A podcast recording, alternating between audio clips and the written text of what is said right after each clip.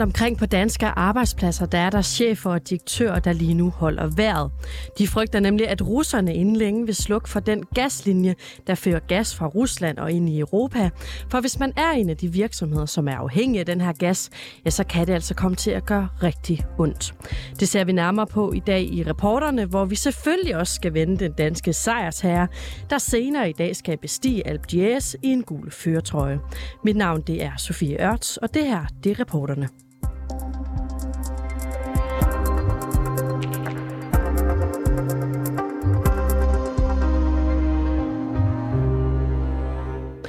Krigen i Ukraine den har kastet et nyt og skarpere lys på de danske forsvarsindsatser. For er vi godt nok stillet, hvis krigen den skulle rykke sig nærmere vores egne landegrænser? Spørger man nogen af vores tidligere allierede rundt om Østersøen, så er svaret nej. Det kunne godt se bedre ud. Kasper Vester, godmorgen. Godmorgen. Du er tidligere overkonstabel i Søværnet, og så er du journalist på Forsvarsmediet Olfi. I onsdagens udgave af Berlingske, der øh, kommer flere tidligere politikere og forskere fra de baltiske lande med en udtalt kritik af den danske forsvarsindsats omkring Østersøen. Kasper Vester, hvor overraskende for dig er det egentlig? Jamen, det er slet ikke overraskende, fordi det er sådan set bare en gentagelse af den kritik, NATO har givet Danmark i lø- igennem de sidste mange år. Øh, man kan sige, at øh, forskellen er, at, at for de baltiske lande der er der noget andet på spil nu, hvor Rusland har vist sig øh, i stand til, at, og, øh, eller, eller har vist, at, at man rent faktisk øh, vil og tør øh, invadere sine nabolande. Så der er ligesom kommet en anden sådan, øh, alvorlighedsgrad ind over. Kritikken er sådan set øh, ikke ny. Den har Danmark fået i mange år, både i forhold til styrkemål og i forhold til 2% målsætning. I det hele taget i forhold til vores, øh, vores bidrag til vores nationale øh, forsvar og til NATO. Og prøv at sætte nogle ord på, hvad det er for en øh, forsvarsindsats, som Østersøen den, øh, den kræver. Jamen altså, nu er det jo sådan, at NATO opererer med nogle styrkemål og med en 2% målsætning, som vi skal leve op til. Øh, de styrkemål, hvert land får, har at gøre med, hvor man ligesom ligger, og hvad det er for nogle kapaciteter, man skal stille til rådighed. Danmark har en meget strategisk vigtig beliggenhed i forhold til indgangen til Østersøen, og derfor så øh, er der også nogle forventninger til, hvilke kapaciteter vi ligesom skal stille til rådighed. Blandt andet så har NATO efterspurgt nogle øh, overvågningsfly, og, og jeg kunne forestille mig, at de her øh, baltiske lande også godt kunne tænke sig, at der var nogle flere danske overfladeenheder i området. Men, men, men grundlæggende så lever Danmark ikke op til nogle af de krav, der bliver stillet. Altså vi lever, leverer ikke de kapaciteter, NATO efterspørger, og, og som bekendt, så går der også øh, yderligere øh, 11 år, før vi lever op til 2% målsætningen, som man, vi jo ellers skulle have levet op til øh, her i 2024. Så, så, så der er ligesom lang vej igen, og de andre lande i regionen rundt omkring Østersøen, de enten lever de allerede op til målsætningerne, eller også så er de væsentligt tættere på og har kortere tidshorisonter, end Danmark har. Så vi står faktisk øh, alene med den her øh, situation? Nu kan man sige, at Finland og Sverige er på vej ind i NATO. Sverige har også øh, lidt, lidt vej nu, øh, men er dog tættere på. Tyskland øh, har en klar plan for at nå det i løbet af de næste to år, og Danmark øh, skal så bruge øh, 11-12 år på at nå det. Øh, så vi er klart det mest fodslæbende land i Østersøregionen. Og lad os lige se nærmere på noget af den kritik, der er kommet frem. Til Berlingske, der siger Martin Hurt, der er ansat ved en estisk sikkerhedstænketank, at, og jeg citerer, Danmark er det eneste land ved Østersøen, der opfører sig, som om det lå ved Middelhavet. Hvad betyder det, Kasper? Jamen det betyder jo sådan set, at, at vores øh, udgifter til forsvaret bærer præg af, at vi, at, at vi skulle ligge fjern fra den her region, hvor der rent faktisk er høje spændinger nu. Og det er jo ikke tilfældet. Altså vi ligger i en, en som sagt i en super strategisk vigtig placering, og alligevel så, så er vi langt, langt bagud på de øh, mål, øh, som ligesom er stillet op for os. Øhm, også meget længere end, end vores nabolande og de øvrige lande i regionen. Så jeg tror simpelthen, det skal ses som, at han mener, at vi kunne lige så godt have ligget ned i, i Middelhavet med den måde, vi ligesom griber forsvarsspørgsmål an på. Og det lyder jo en lille smule hånligt, faktisk. Er det også sådan, du opfatter det? Jeg ved ikke, om, det, om, om, om jeg opfatter det som hån, men jeg opfatter det i hvert fald som en, en kritik og en undren over, at vi ikke tager det her område mere seriøst. Altså hvorfor vi ikke reagerer noget hurtigere, øh, særligt i lyset af, hvad der er sket her det seneste halve år. Og du har også været øh, kort inde på det. Vi øh, leverer jo ikke på den her øh, øh, hvad kan man sige, indsats, hvor vi giver 2% af vores egne øh, BNP til øh, eget forsvar endnu. Men hvad er det ellers, øh, vores allierede øh, i nabolandene, de mangler at se fra dansk side? Vi lever heller ikke op til de styrkemål, øh, som NATO opstiller for os. Altså, øh, NATO laver det, der hedder Defense Planning Capability Review, og det er grundlæggende en karakterbog, hvor man ser på, hvor man dels udstikker nogle rammer for, at de her konkrete kapaciteter skal land X, Y og Z stille til rådighed for alliancen. Og der mangler vi altså også en hel del, altså både i forhold til herrens brigade, i forhold til overvågningsfly, i forhold til anti-ubådskapaciteter osv. osv. Så det vil sige, at på alle parametre, vi egentlig bliver målt på, der, der halter Danmark bagud.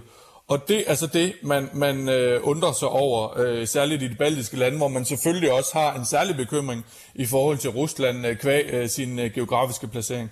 Og øh, den danske forsvarsminister Morten Bødskov, han afviser en skriftlig kommentar øh, til Berlingske, at Danmark ikke løfter sit ansvar i forsvaret af Østersøen. Han øh, siger, at Danmark har et særligt ansvar for sikkerhed i øh, Østersøregionen.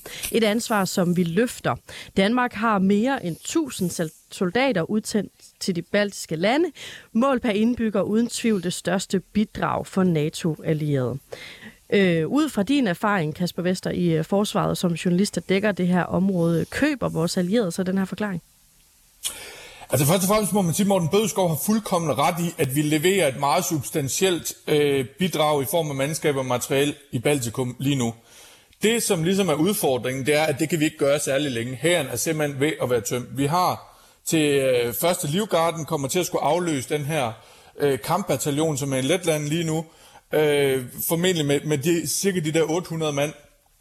Men når, det hold, når den rotation er foretaget, så er det ret begrænset øh, og, og temmelig tvivlsomt, om Danmark kan stille mere. Så det vil sige, på den korte bane, ja, der leverer vi ret meget, men hvad kan vi levere på den lange bane? Der er jo ikke noget, der tyder på, at den her strid med Rusland og den her øh, optrappede, øh, tilspidsede sikkerhedssituation, den er overstået øh, om nogle måneder eller et år. Altså det er formentlig en meget langvarig situation, og der må man bare sige, at, at der har vi ikke leveret de langsigtede bidrag, som, som øh, der bliver forventet af os.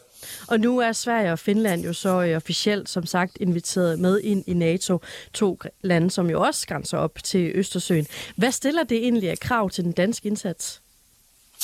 Jamen det, det, det vil, mangler vi lidt at se endnu, hvad, hvad det betyder blandt andet for, for øh, de næste opstillede styrkemål, om der bliver lempet lidt på kravene til Danmark, eller, eller hvad der er, der kommer til at ske. Det ved vi ikke helt endnu. Øh, det er jo klart, at både Sverige og Finland får også nogle styrkemål, der afspejler deres geografiske placering. Men det ændrer ikke overordnet på problemstillingen, altså at Danmark ikke har leveret det, vi skulle i, i efterhånden mange år, hverken på 2% målsætningen eller styrkemålene. Så jeg tror ikke sådan, at, at der bliver tale om, at vi på en eller anden måde kan købe aflad, fordi Sverige og Finland kommer med. Så for at opsummere, så står vi altså med en øh, kritik, som ikke er ny. Vi står også med et svar fra regeringen, der heller ikke øh, er nye toner. Kan det her overhovedet få nogle konsekvenser for os? Ja, det, det, det er tvivlsomt. Altså NATO er jo øh, opbygget omkring frivillighed, og det vil sige, at der er ikke nogen øh, sanktioner som sådan ved ikke at leve op til de øh, krav og forventninger, der er. Altså der vil blive udtalt kritik i næste øh, Defense Capability Review, det er, det er ganske sikkert. Øh, og og øh, Thomas Rune vil selvfølgelig blive spændt en smule, både fra amerikansk side og fra, fra formentlig fra Stoltenberg nede i Bruxelles. Men, men det får ikke som sådan konsekvenser for Danmark, at vi bliver holdt ud af det gode selskab på nogen måde. Altså dertil er vi trods alt stadigvæk øh, også for vigtige. Kasper Vester, tak fordi at øh, du var med her til morgen. Det var lidt. Som sagt, øh, tidligere overkonstabel i Søværnet og journalist på Forsvarsmediet Olfi.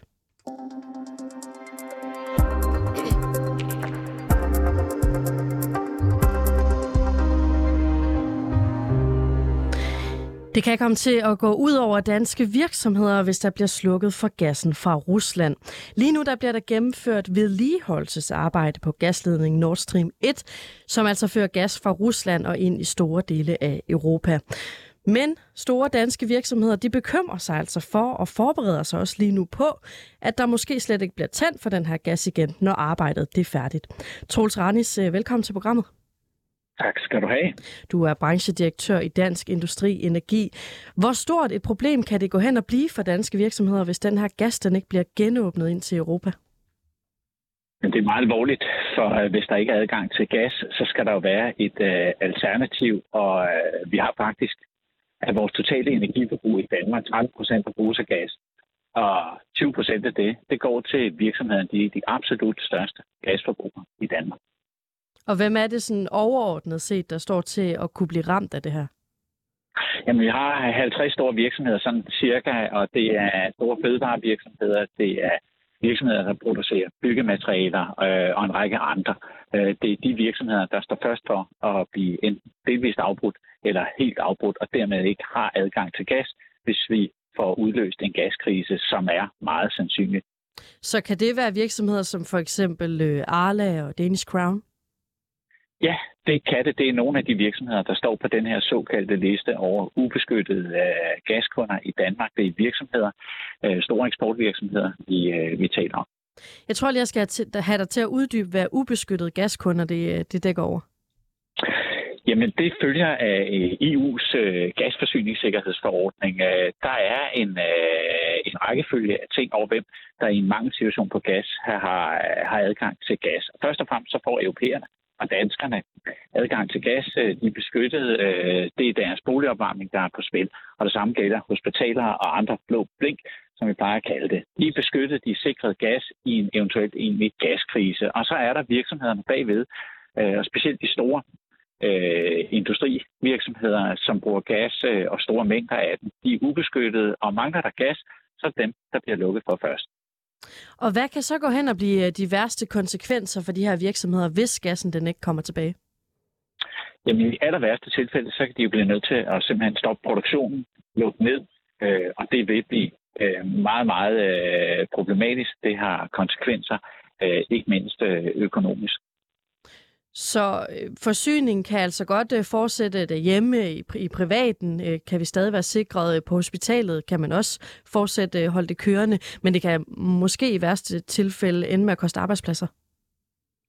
Det håber vi bestemt ikke, og heldigvis er det sådan, at øh, der er nødplaner øh, i, i spil.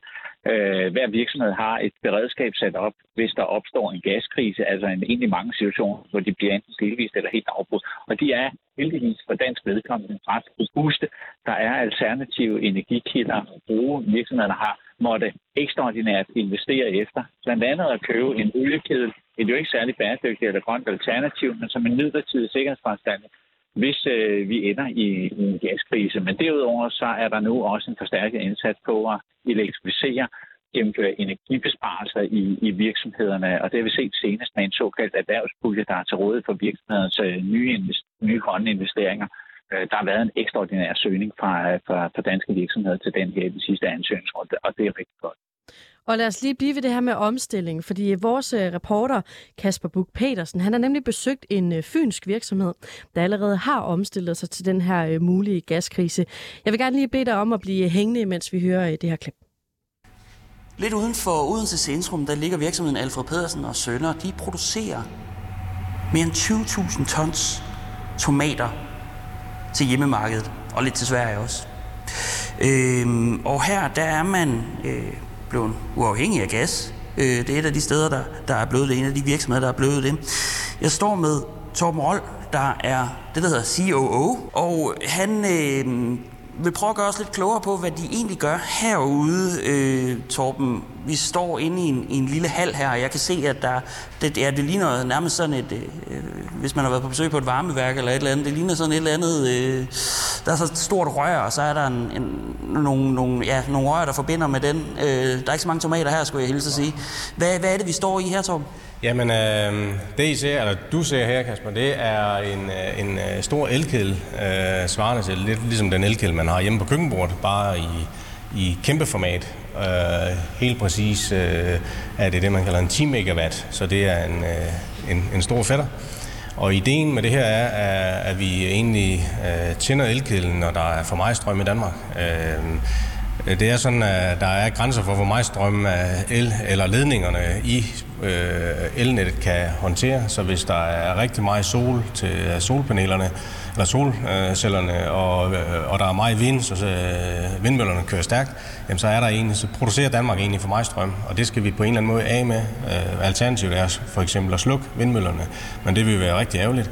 Øhm, og der kan øh, de her communities så øh, kontakte os og sige, vil I ikke tænde jeres elkedel nu, fordi nu produceres der for meget strøm i Danmark. Øh, vi tænder den her 10 megawatt elkedel, og så varmer den vores øh, varmevand op.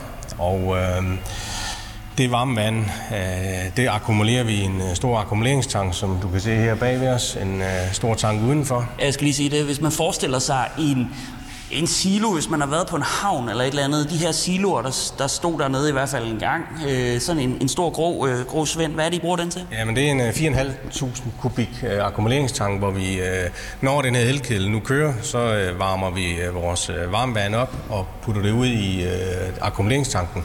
Når så solen går ned i aften, øh, og drivhusene kræver noget varme om, om natten, jamen så har vi varmvand, varmt vand, fået varme, vores varmvand op fra elkilden, og det varme vand bruger vi så i løbet af natten eller dage, hvor det er, er for koldt. Og alt det her, det, det, det, det leder mig frem til næste spørgsmål, fordi øh, man ser rundt omkring i verden nu, øh, i hvert fald i vores del af verden i Europa, øh, være, være meget afhængig af gas. Øh, og den russiske krise gør, gør noget ved den øh, ved, ved det problem. Hvordan er det lykkedes jer at komme fri af, af, af den gas der?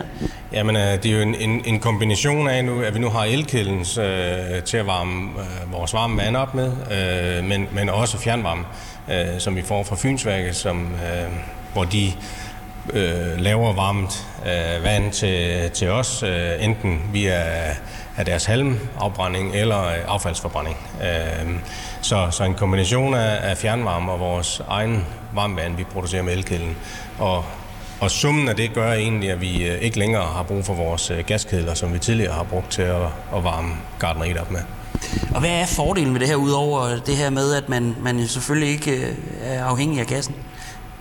Jamen altså, den helt store fordel er jo, at vi nu er fossilfri. Øh, at vi har en, øh, en tomat- og agurkproduktion i Danmark, som øh, er produceret fossilfri, af fossilfri brændstoffer, og det er jo et kæmpe, kæmpe skridt. Og, og så selvfølgelig også, at var vi afhængige af gassen stadigvæk, så, så, så i værste tilfælde kunne vi, kunne vi jo blive lukket ned, fordi der ikke var gas til os. Og det ville jo have været en katastrofe, hvis vi stod og midt, midt i vinteren og, og manglede varme til drivhusene. Uh, så det vil jo være helt ud over? Fuldstændig. Uh, den, den risiko er der ikke længere. Uh, så, så det er selvfølgelig uh, det er slet ikke til at tænke tanken, hvis man var i den situation. Øh, det kan ikke have været helt billigt det her. Hvad er det kostet for jer at, at omlægge energien til, til det her?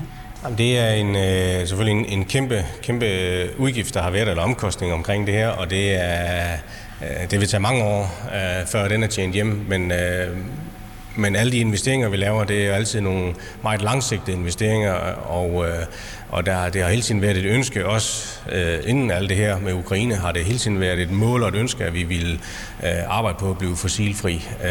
Og, og derfor har vi også længe før øh, krigen med Ukraine øh, været i gang med at, at arbejde på det, for det er jo det er jo halvandet år siden, at vi bestilte anlægget her, så, så det er et af, et af vores øh, klare mål, det er at blive fossilfri. Hvor stor en opgave har det været? Ja?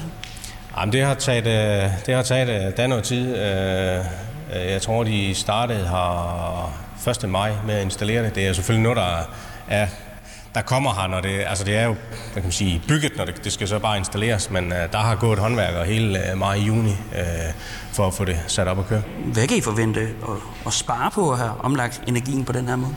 Ja, men jeg tror ikke, at besparelsen den, den er, er voldsomt stor. Det er også derfor, at investeringen vil tage nogle år at få, uh, få knævet af. Men, uh, men igen, det vigtige for os var, at vi ikke risikerede at blive lukket med gas af hele vores uh, kult, altså tomatkultur. Vi dør af kul eller frost. Øh, og, øh, og så igen, at vi, øh, vi gerne øh, have en ordentlig øh, bæredygtig produktion, og, og det er jo lykkes øh, øh, helt sikkert med det her.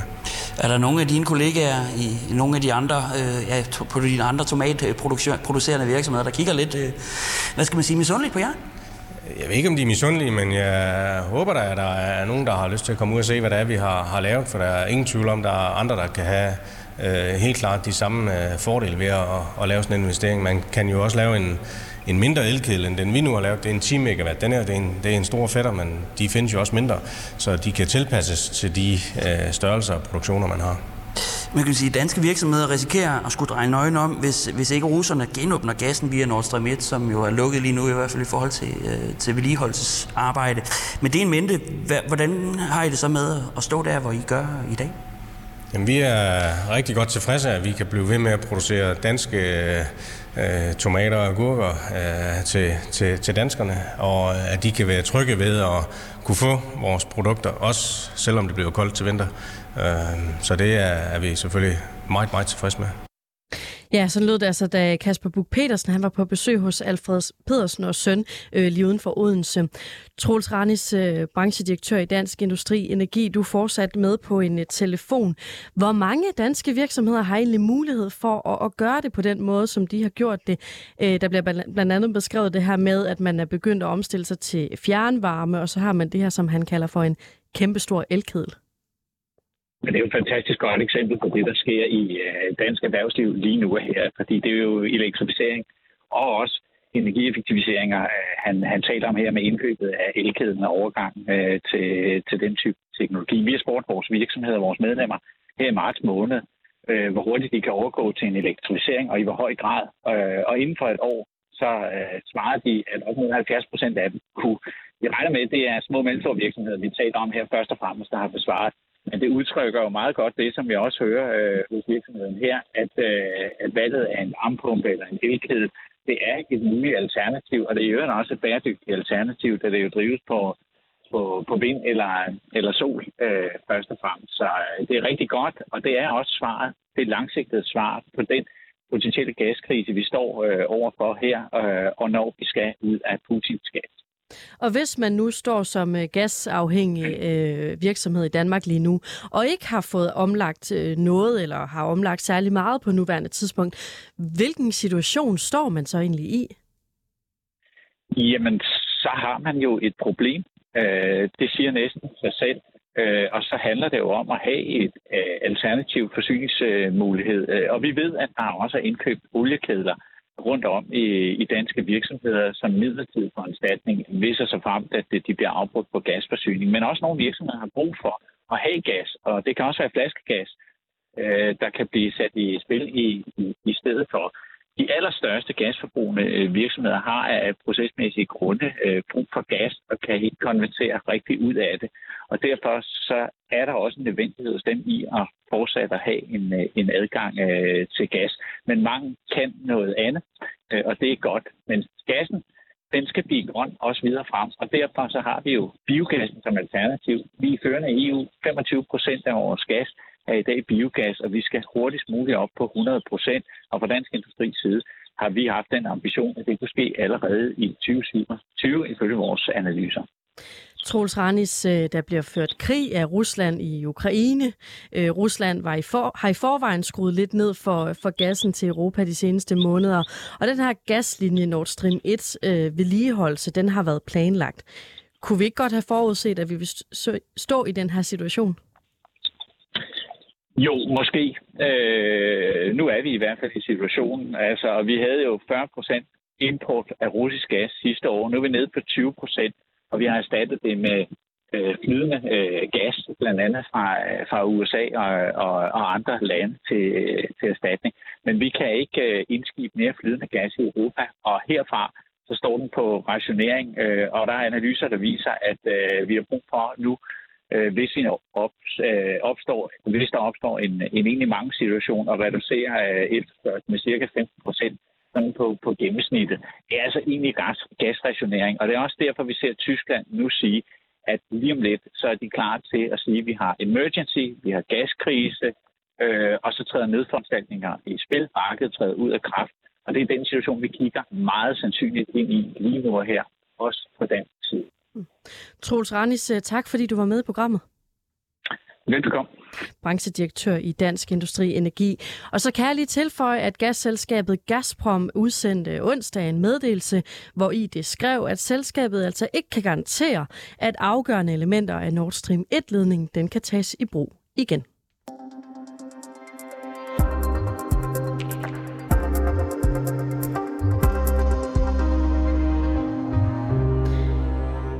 Tre år, gul hud, sort hår. Det var en del af ordlyden i en efterlysning, som Syd- og Sønderjyllands politi bragte på Twitter i søndags. Politiet efterlyste forældrene til en dreng med asiatisk afstamning, der var set gående alene på gaden. Og netop brugen af ordet gul hud, ja, det har altså skabt debat på især de sociale medier. Det har betydet, at politiet nu har slettet sit tweet og sagt undskyld for sit ordvalg. René Christensen, godmorgen. Godmorgen. Du er næstformand i Dansk Folkeparti, og du mener altså ikke, at politiet burde have sagt undskyld for det her. Hvorfor ikke? Jamen, det er jo fordi, altså, man kunne selvfølgelig sagtens også have skrevet asiat. Det havde måske også været mere retvisende.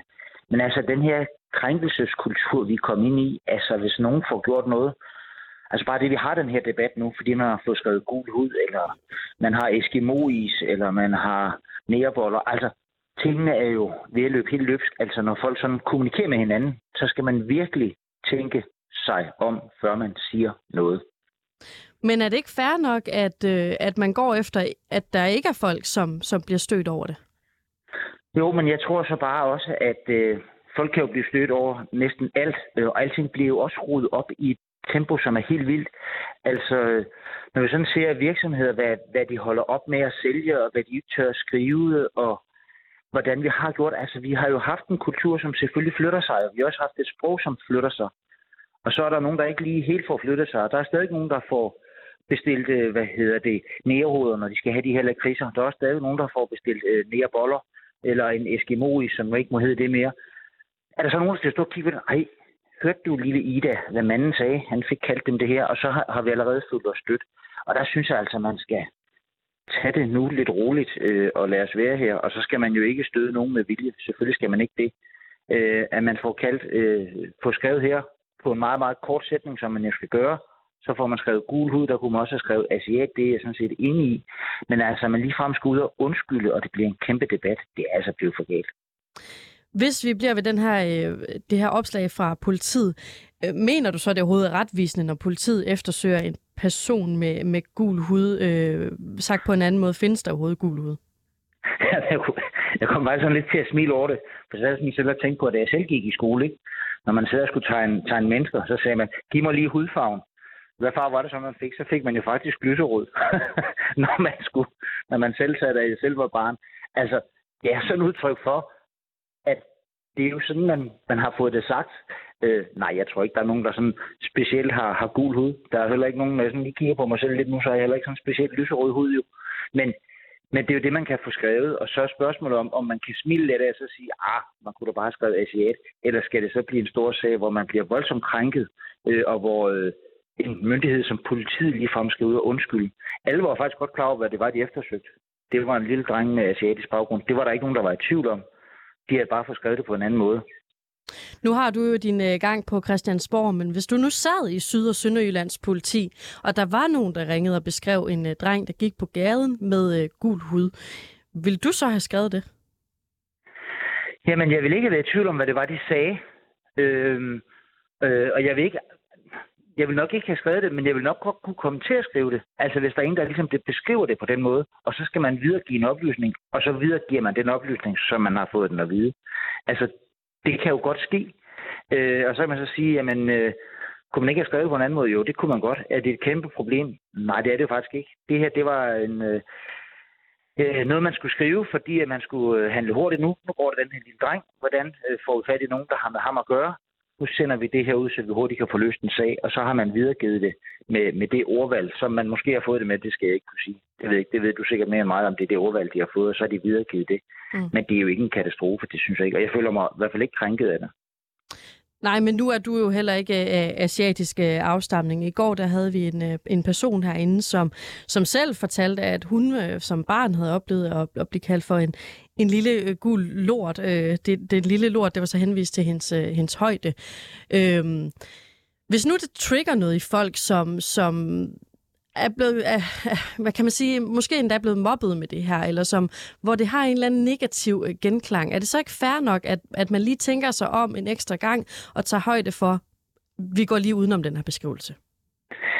Jo, men man skal bare huske på, at det kommer alle steder. Jeg så en artikel den ene dag, hvor skatteministeren står og taler om arbejde, der ikke vil betalt skat af, og så siger han, når sort arbejde, så er du kunne hjælpe mig en, altså en journalist, der, der siger til ham, Nu står det jo her, kalder det her sort arbejde. Kan man tillade sig det?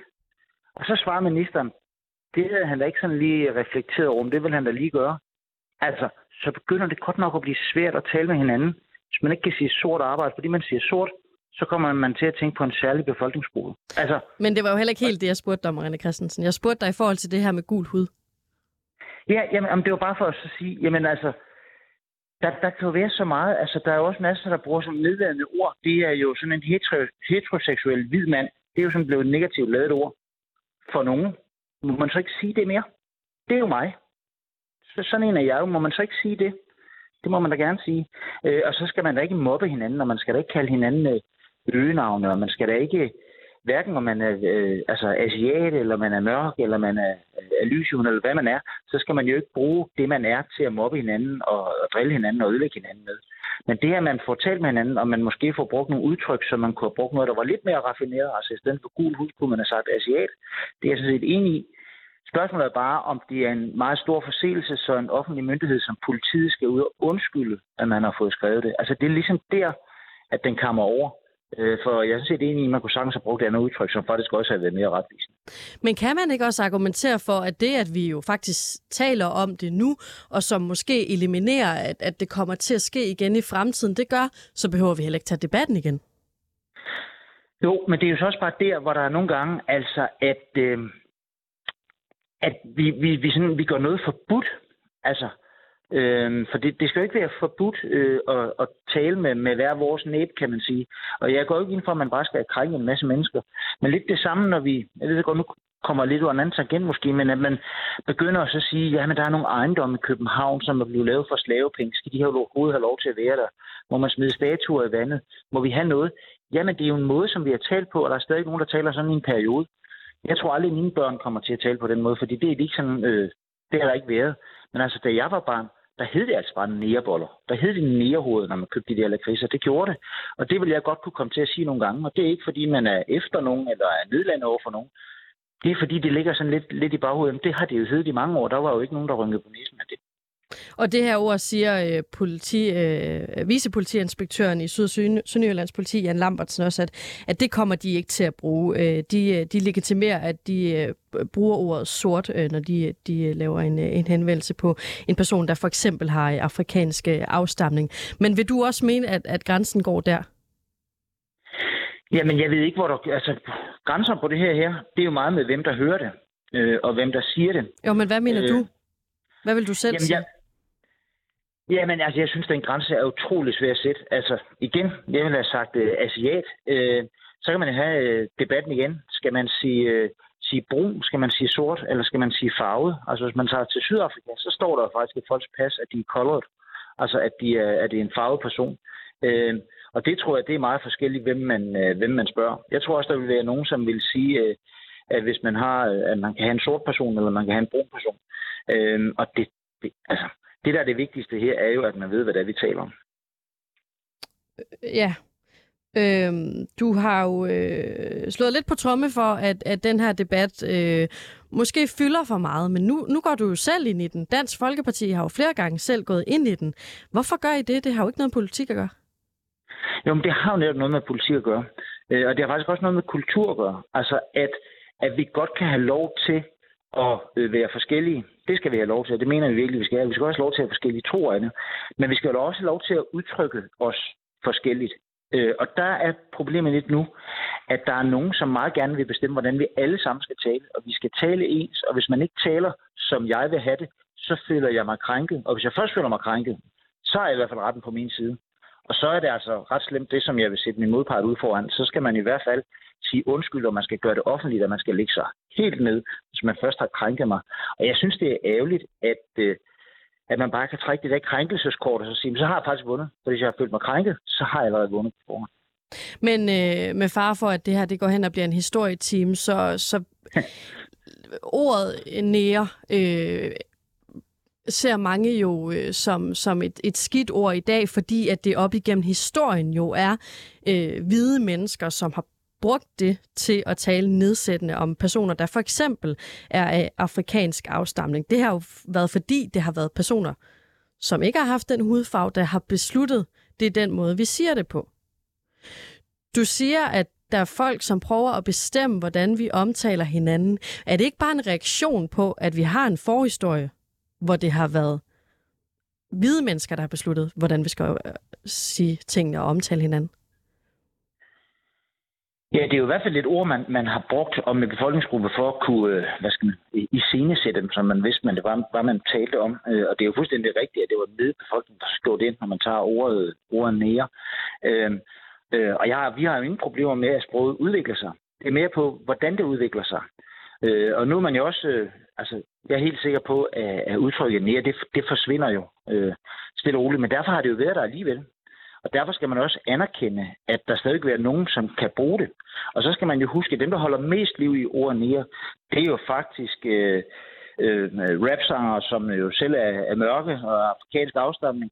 De bruger det jo konstant i deres sange. Øh, og det er også det, man oplever i, i øh, indvandrergrupper i Danmark for eksempel, når de øh, laver rapsange og, og synger om hinanden, så kalder de hinanden perker og så videre, så videre. Så det, det, det, der undrer mig lidt, det er, at gruppen, som føler sig meget krænket af det, der er i hvert fald dele af den gruppering, som bruger udtrykkene utrolig meget selv. Og det, og det undrer mig egentlig lidt, for de holder i hvert fald liv i det, hvis de gerne vil af med det. Ja, det, det, det tror jeg nu, øh, der er ment som... Øh, der i hvert fald ikke er ment på samme måde, hvor, hvor det skal forstås øh, nedsættende. Men øh, det kan vi jo nok øh, diskutere herfra. Men så til... kan man jo godt bruge det, men så kan man jo godt bruge det, uden det er nedsættende. Så ja. er det jo ikke farligt at kalde en lakrids et nærhoved, fordi hvis man ikke mener det nedsættende, så kan man reelt godt bruge det. Altså det har man jo allerede øh, nuancerne i det jo. René Christensen, øh, jeg tror, vi kunne tale om det her herfra og så øh, til jul, men øh, for nu så vil jeg sige tak, fordi du var med her i programmet. Tak fordi jeg måtte. Som sagt, næstformand i Dansk Folkeparti.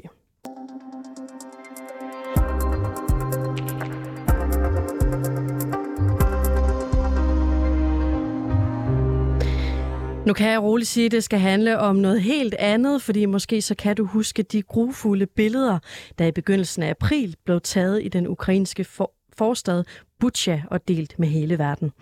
Det var billeder, der viste, hvordan russiske soldater var kørt ind i byen og begik en stribe af forbrydelser mod de folk, der boede i Butcha. Her tre måneder efter, der har journalist Stefan Weikert besøgt byen, hvor han har talt med en af byens borgere, det er 56-årige Rustan Usmanov. Folk forsøger desperat at komme tilbage til en hverdag igen, her i forstaden Butcha nord for Kiev, som var centrum for nogle af de hårdeste kampe tilbage i marts det er meget skræmmende, når russerne kommer ind i ens hus med maskingevær, og der er en flok kampvogne rundt omkring. Når de skyder rundt omkring, når alting eksploderer. Det er meget skræmmende. Især når de bare står rundt omkring, og man ikke ved, hvad der venter. De russiske soldater tog os med ud i en gård, hvor de stod med maskingevær. De så os direkte i øjnene, men vi vidste ikke, om de ville skyde os. Vi vidste ikke, hvad der skete i hovedet på dem. Ja, Rustan Osmanov, som min kollega han oversætter her, han mistede sin bil, da russiske soldater tilbage i marts gik til angreb på hans garage. Без машины, как без рук. For mig er det at mangle en bil det samme som at mangle mine hænder. Jeg skal bruge den til arbejde. Jeg skal hente sand og cement til at bygge mit hus op igen. Jeg havde en dejlig Dacia Logan, som jeg hentede brænde med. Det var en god bil. Мне лично, у меня сейчас денег нет, у меня просто сгорело, я могу показать, я вот нашел недавно это, 15 тысяч долларов сгорело. Jeg har heller ikke nogen penge nu. De brændte. 15.000 dollar brændte, da russerne kom. Nu er det ikke realistisk at købe en bil for 2.000 dollar. Jeg har ikke noget arbejde lige nu. Jeg er pensionist. Der er ikke nogen, der ved, hvad der sker i morgen. Vi ved jo ikke, hvad Putin vil smide hovederne på os. Eller måske kaster han en atombombe i morgen. Eller måske vil han i morgen begynde at bombe alt her. Vi ved det ikke. Vi lever en dag ad gangen nu. Før krigen kunne vi planlægge vores liv. Nu lever du bare en dag ad gangen. Godmorgen, Stefan Weigert. Godmorgen. Du er dansk journalist i Ukraine, og du er med fra Kiev. Jeg skal lige have dig til, Stefan, og skrue lidt op for din uh, egen uh, lyd. Stefan, hvordan øh, vil du beskrive det syn, som øh, møder dig på, øh, på hovedgaden i Butcha, hvor du har, har været forbi? Jamen, det er jo en, det er byen, som er, er rigtig ødelagt. Altså, der er flere huse, som kun står tilbage som skeletter, kan man sige, hvor det kun er nogle af ydermurene, der er tilbage. Øh, og så er der, altså folk begyndt at, at rode op. Øh, de er begyndt at komme tilbage efter at være evakueret, og de øh, rydder ligesom deres baghaver, deres hjem, det vil sige deres store metalbunker foran deres huse fra, fra de her ødelagte øh, ukrainske og russiske kampvogne osv., og dem har man ligesom øh, flyttet ud foran øh, ens hus, så bliver de samlet op. Der er også mange tagsten og skrald, der er også ødelagte barnevogne og sådan nogle ting. Og øh, jamen, der er folk, der går rundt og samler, samler ting ind for at sælge dem, altså sådan går lidt på rov i de her ødelagte hjem, og Jamen ellers så er det, trods, trods de her ødelæggelser, så er det også et sted, der begynder at komme op og, og fungere lidt igen. Altså, øh, jeg har været i byen også for et par måneder siden, og der er stor kontrast i dag. Altså, supermarkederne er åbnet igen, der er begyndt at komme internet og, og strøm og varme i huset osv. Mm. Ja. Kan man på nogen måde fornemme, at øh, Butcha var ramt af så voldsom oplevelse, som vi jo har set billeder fra for bare øh, tre måneder siden? Ja, det kan du. Altså, der er det synlige, altså, hvor du selvfølgelig kan se ødelæggelserne, de ødelagte huse, øh, de knuste vinduer, hvor folk har sat plastik op foran for at skærme for vind og vejr. Øh, men udover det, så er der, udover de synlige ødelæggelser, så er der også det, som man kan sige, men sammen man snakker med folk, ikke? så er det de her øh, psykiske ting, de er gået igennem, altså kender familie og venner, som har mistet livet, eller, eller har, ligesom øh, Usmanov her, har været udsat for noget, øh, også med, at han ikke vidste, om han ville overleve eller ej. Øhm, og, og det, altså selvom det er blevet bedre her i Butchersen i forhold til, hvordan byen, sådan livet er i byen nu, end det var for et par måneder siden, så, øh, så, er det stadigvæk ikke, øh, så er det stadigvæk ikke helt vildt godt. Ukraine er jo et øh, krigshavet land. Hvordan påvirker det egentlig øh, folks muligheder for måske at genopbygge deres boliger? Øh, jamen det er svært, øh, fordi at mange mennesker har mistet deres arbejde. Øh, eller opsparing. Altså for eksempel Osmaner har jo mistet den på grund af, at de brændte, men, men for andre har det været, at at de måske har mistet det, fordi at øh, man har brugt den på at evakuere eller, eller være i et andet land. Så, så folk har ikke rigtig nogen penge. Øh, og regeringen har jo lovet her i Ukraine, at de vil hjælpe med økonomien, altså de vil hjælpe for eksempel Osmanov med at få nye vinduer i osv. Øh, men men det, det har jeg altså ikke set nogen penge, der er kommet nu, og det gør, at de her mennesker, de efterlader det til sig selv øh, og, og gør det bedste, de kan være i stand til deres, deres huse. Og hvordan er folk øh, i Butcha sådan lidt mere øh, psykologisk påvirket af, at øh, russerne de har kørt ind i deres by og smadrer store dele af den, og, og nu så skal forsøge at komme videre fra det? Ja, altså de har svært ved at lægge det bag sig. Der er også en vrede mod, mod Rusland, øh, som, er, som virkelig er vokset her efter øh, invasionen i februar, det som de har oplevet der. Øhm, altså de har svært ved at, at, at tilgive, og de har svært ved at komme videre, fordi billederne af de her russiske soldater, øh, billederne af, at de har gemt sig i bomberum, øh, fordi at der har været bombardementer på begge sider omkring deres bolig og sådan noget, det har folk meget svært ved at glemme. Altså, jeg kan også, et andet eksempel, jeg talte også på et tidspunkt med en mand, som, øh, som stod udenfor, da hans, øh, da der et artilleriangreb var tæt på hans hus, og han blev blæst ind i sin garage og ramte bagmuren af hans hus. Han overlevede mirakuløst, men, men sådan en mand som ham siger jo også, at altså, jeg kan ikke, øh, altså, det kan jeg simpelthen ikke glemme, og har meget rigt om natten og sådan nogle ting. Altså, det, det er noget, som, som folk har meget svært ved at lægge bag sig. Gør man egentlig noget i byen for øh, ligesom at, at bearbejde det her på en eller anden måde?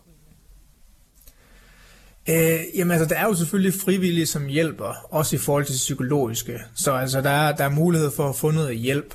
Øh, men, men det er jo ikke sådan, altså, Ukraine har jo også prioriteterne et andet sted som stat. Altså, de har jo de har jo stadigvæk en krig, der er i gang, øh, tager store, store summer, og de har stadig oprydningsarbejde så at prøve at få internet og sådan noget til at virke, sådan nogle mere store ting. Så det er ligesom om, at det psykologiske er noget, som folk øh, langt hen ad vejen håndterer selv. De kan få hjælp af nogle frivillige og sådan noget, men det er klart, at, at behovet jo er enormt stort, og udbuddet er ikke særlig stort. Og som du selv siger, så er krigen øh, fortsat i gang. Har man gjort sig nogle overvejelser om i, i Butcha og måske også i Kievs forstader generelt, hvad der sker, hvis russerne de skulle finde på at vende tilbage? Ja, altså sådan rent forhold til militæret, så er der ingen tvivl om, at militæret øh, forbereder sig på, på det scenarie. Og hvis vi snakker om de civile her, altså dem, der som Usmanov for eksempel, som har fået ødelagt en stor del af sit hus, jamen, så er det klart, det er noget, øh, det er noget man, øh, han tænker på. Altså, øh, han kan ikke være med at gå rundt og tænke på, at det her med at, at standsætte hans hus nu, øh, gøre klar til vinteren, så man ikke har knuste vinduer, og det bliver helt vildt koldt inden, indenfor, at det måske bare er, er, er håbløst. Fordi hvis hviderusserne kommer, og russiske soldater kommer tilbage i morgen, jamen, så er det hele jo alligevel øh, øh, for ingenting. Og det er klart, at det fylder helt, helt vildt meget i, i de her områder, såsom Butcher. Og prøv lige at forklare, hvorfor det ikke bare skulle være russerne, men også øh, hvide russerne, som, som kom. Ja, altså det, det der er det store spørgsmål lige nu, det er, øh, hvad der kommer til at ske, fordi vi ser en, øh, en stor, øh, hvad kan man sige, et stort antal hvidrussiske soldater op ved den nordlige grænse i, i Ukraine, altså op omkring hovedstaden. Øhm, og de har, Hviderusland har ellers øh, godt nok givet Rusland mulighed for at øh, angribe Ukraine fra hviderussisk jord, men vi har ikke set den hviderussiske hær gå ind endnu øh, at deltage aktivt i krig med Ukraine. Men det er der frygt for, at det kommer til at ske nu, fordi vi kan se, at der er en stor øh, troppesamling af, af hviderussiske soldater ved den ukrainske grænse. Stefan Weigert, øh, dansk journalist i Ukraine. Tak fordi du var med. Selv tak. Og så kan jeg lige tilføje, at det russiske militær lige nu foretager en række angreb i den østlige region Donbass, imens det ukrainske militær lige nu er ved at gøre klar til en offensiv i den sydlige Hasson-region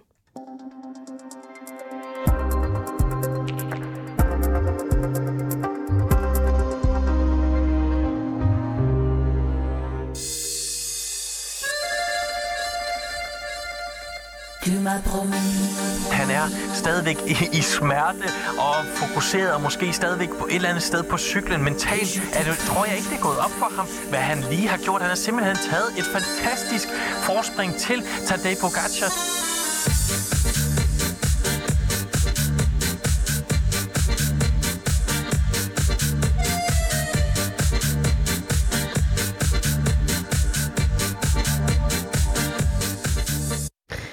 Ja, vi springer lidt i øh, humøret i dag, øh, fordi at vi kan nemlig dvæle lidt ved det her øh, tal. 2 minutter og 16 sekunder. Så meget fører Tyboen Jonas Vingegaard nemlig lige nu Tour de France. Hvis du ikke ved særlig meget om cykling, så lyder det her måske ikke særlig meget, men det var altså en suveræn sejr på onsdagens etape, der sikrede danskeren den gule føretrøje. Og den hapsede han altså fra en øh, lidt udkørt Tour de France favorit. Jakob øh, Nielsen, øh, godmorgen. Godmorgen. Du er vært på 24-7-programmet Frankrig Rundt, som altså følger turen ganske tæt. To minutter. Hvor vildt er det egentlig? Jamen, det er fuldstændig sindssygt i moderne cykelsport, hvor man måske siden 80'erne, altså at de her store Tour de France, de er nogle gange blevet afgjort i, altså i det tætteste løb, er det blevet afgjort med 8 sekunder. Så simpelthen at tage ikke kun 2 minutter, altså 2 minutter og 50 sekunder på en enkelt etape midt i løbet, den første bjergetappe for danskeren, det er, det er, det er fuldstændig sindssygt. Betyder det her, at Vingegaard han kommer til at skrive sig ind øh, i rækken af danske Tour de France-vindere? Altså, det er jo ikke sikkert endnu. Vi er som sagt stadigvæk halvvejs i løbet. En masse ting kan ske. Øh, Pogacar kommer til at angribe Vingegaard igen. Men altså, det tror jeg, han har det største hold. Øh, han har virkelig som den stærkeste i bjergene. Og den, øh, han plejer også at være bedst i den tredje uge, som vi snart kommer ind i. Så, så hvis jeg skulle komme med et forsigtigt bud, så, så tror jeg, at han bliver den anden danske vinder af Tour de France. Ja, Pogacci, det var jo ham, som øh, havde den, øh, den øh, gule føretrøje øh, indtil i går, hvor Vingegaard han altså snuppede den fra ham. Vil du ikke lige prøve at opsummere gårdagens øh, etape for os? Jo, altså igen, Pogacar han førte løbet. Han har øh, vundet de sidste to udgaver af Tour de France, og aldrig ligesom blevet besejret på den her måde før. Han har dog haft et lidt svagt hold. Øh, han har to mand ude med corona, to af hans bedste hjælperytter, og så derfor kunne man godt mærke inden etappen, at hans konkurrenter lugtede blod. Og de her konkurrenter, det var så Jonas Vingegaard, som har et historisk stærkt hold omkring ham. Og på, på forhånd, der vidste man godt, at de ville prøve at angribe ham og angribe ham og angribe ham, altså meget tidligt på etappen. Men der er altså en forskel fra teori og så til praktisk i cykelsporten. Men i går der så vi bare, at de, de forsøgte alt, hvad de kunne, og så endte det simpelthen med på det sidste meget svære bjerg at knække ham her sloveneren Pogacar fuldstændig, mens at Vingegaard han, ja, så kunne tage den her kæmpe store sejr. Før øh, etappen i går, så var det jo øh, Bornholmeren Magnus Kort, vi alle sammen gik og øh, jublede ja. lidt over. Hvordan har han klaret sig? Jamen han øh, i går var, var altså det, det fede ved Magnus Kort er, at han er ikke med i det samlede klassement, så han kunne heldigvis slappe af og nyde øh, dagen i går. Men ja, præcis. Altså danskerne har kørt bedre end øh, ja, måske i mange, mange år, og jeg tror ikke nødvendigvis, det er den sidste etape, vi får for danskerne. Og som dansker, så kan man jo godt blive lidt skeptisk, når øh, man ja, ser sin landsmænd øh, ligge øverst øh, på skamlen. Det er jo ikke, fordi vi altid snupper, øh, snupper sejr hjem. Øh, lad os bare se på EM i fodbold det sidste år, for eksempel. Øh, hvad kommer til at gå galt nu, øh, Jakob? Altså, vi skal selvfølgelig håbe, at det ikke noget går galt for Jonas Vingegaard, men der er igen i cykelsport, er der altid risiko for et styrt øh, hvad kan man sige, at man bliver fanget i en uheldig situation. Øh, som sagt kommer Tadej Pogacar til, han er så ond, og han er så hævngærig, og jeg tror, han kommer til at prøve alt, hvad han kan for at briste. Og så er der også sådan en lille bitte skygge over Tour de France i år i form af coronaen, der har taget den ene og så den anden. Ikke de største profil ud, men det er stadigvæk en risiko. Og så glæder man faktisk øh, til øh, etappen i dag. Det er jo øh, Alpe d'Huez, meget ikoniske Alpe d'Huez, som de ja. skal op på. Hvad har vi at se frem til? Nej, men det bliver et, endnu et af de her kæmpe store bjergslag. Altså, ruten alene kommer til at, at være en kæmpe udfordring, men så har man samtidig oven i det altså en masse folk, som nu har set, at løbet er totalt åbent, og at man kan komme ud, hvis man er ligesom opportunistisk, hvis man tør at angribe. Så det bliver endnu en angrebsfest i dag. Er der noget, der tyder på, at øh, Jonas Vingegaard han er en træt mand, der sætter sig op på cyklen? Nej, altså man kan sige, at han, han lavede selvfølgelig en kæmpe stor præstation i går, som, hvor han skulle, han skulle grave dybt og brugt en masse kræfter.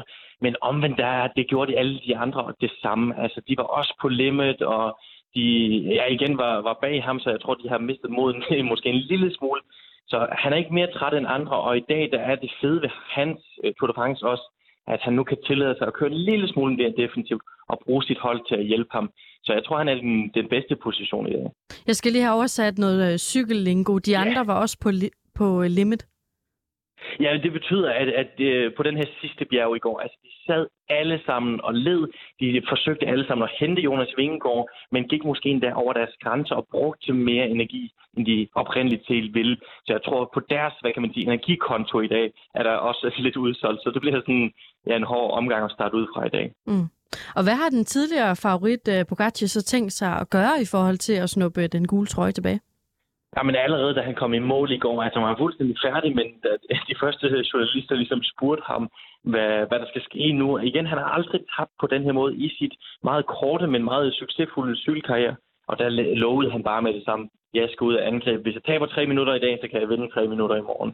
Og det er bare den, øh, hvad hedder det, stil, han har haft tidligere. Så så jeg tror, du ved, det, det bliver super, super spændende på den måde.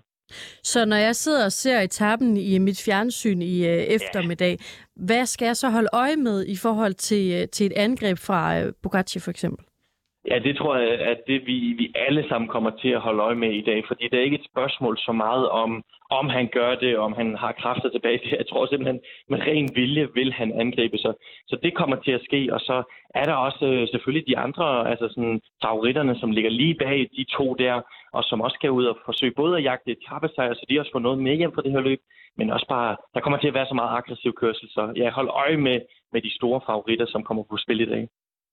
Og øh, det er jo næsten en selvfølge, at vi her hjemme kipper lidt med fladet, fordi vi øh, to dage træk har haft øh, danskere, som simpelthen er kommet ind over målstregen som den allerførste. Men prøv lige at sætte nogle ord på, hvor vild en præstation er det, som Vingegaard han præsterede i går. Ah, Jamen, man skal jo igen tænke på Tadej Pogacar. Han er den forsvarende vinder. Eh, han er den bedste cykelrytter i sin generation. Og vi har altid troet, eller i de her år har vi altid troet, at han skal dominere 20'erne i cykelsporten. Så simpelthen at besejre ham på den første meget store øh, bjergetappe, når han var iført gul, og så til og med smadre ham, tage 2 minutter og 50 sekunder. Det er, altså, det er noget, man vil huske for evigt, uanset om Jonas Vingegaard han så kommer til at, at vinde turen samlet eller ej. Jakob Nielsen, øh, tak fordi du var med. Selvfølgelig du. Hej hej. Hej hej. Og du kan altså høre meget mere til Jakob Nielsen og også hans kollega Lasse Yde Hegnet fra klokken 15 i eftermiddag, hvor de sender programmet Frankrig rundt.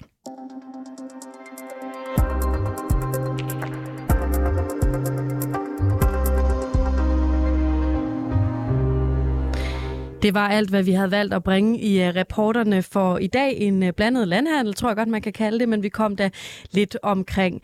Produceren i dag var Mathias Stilling. Jeg selv hedder Sofie Ørts. Jeg er tilbage i studiet igen i morgen klokken 8.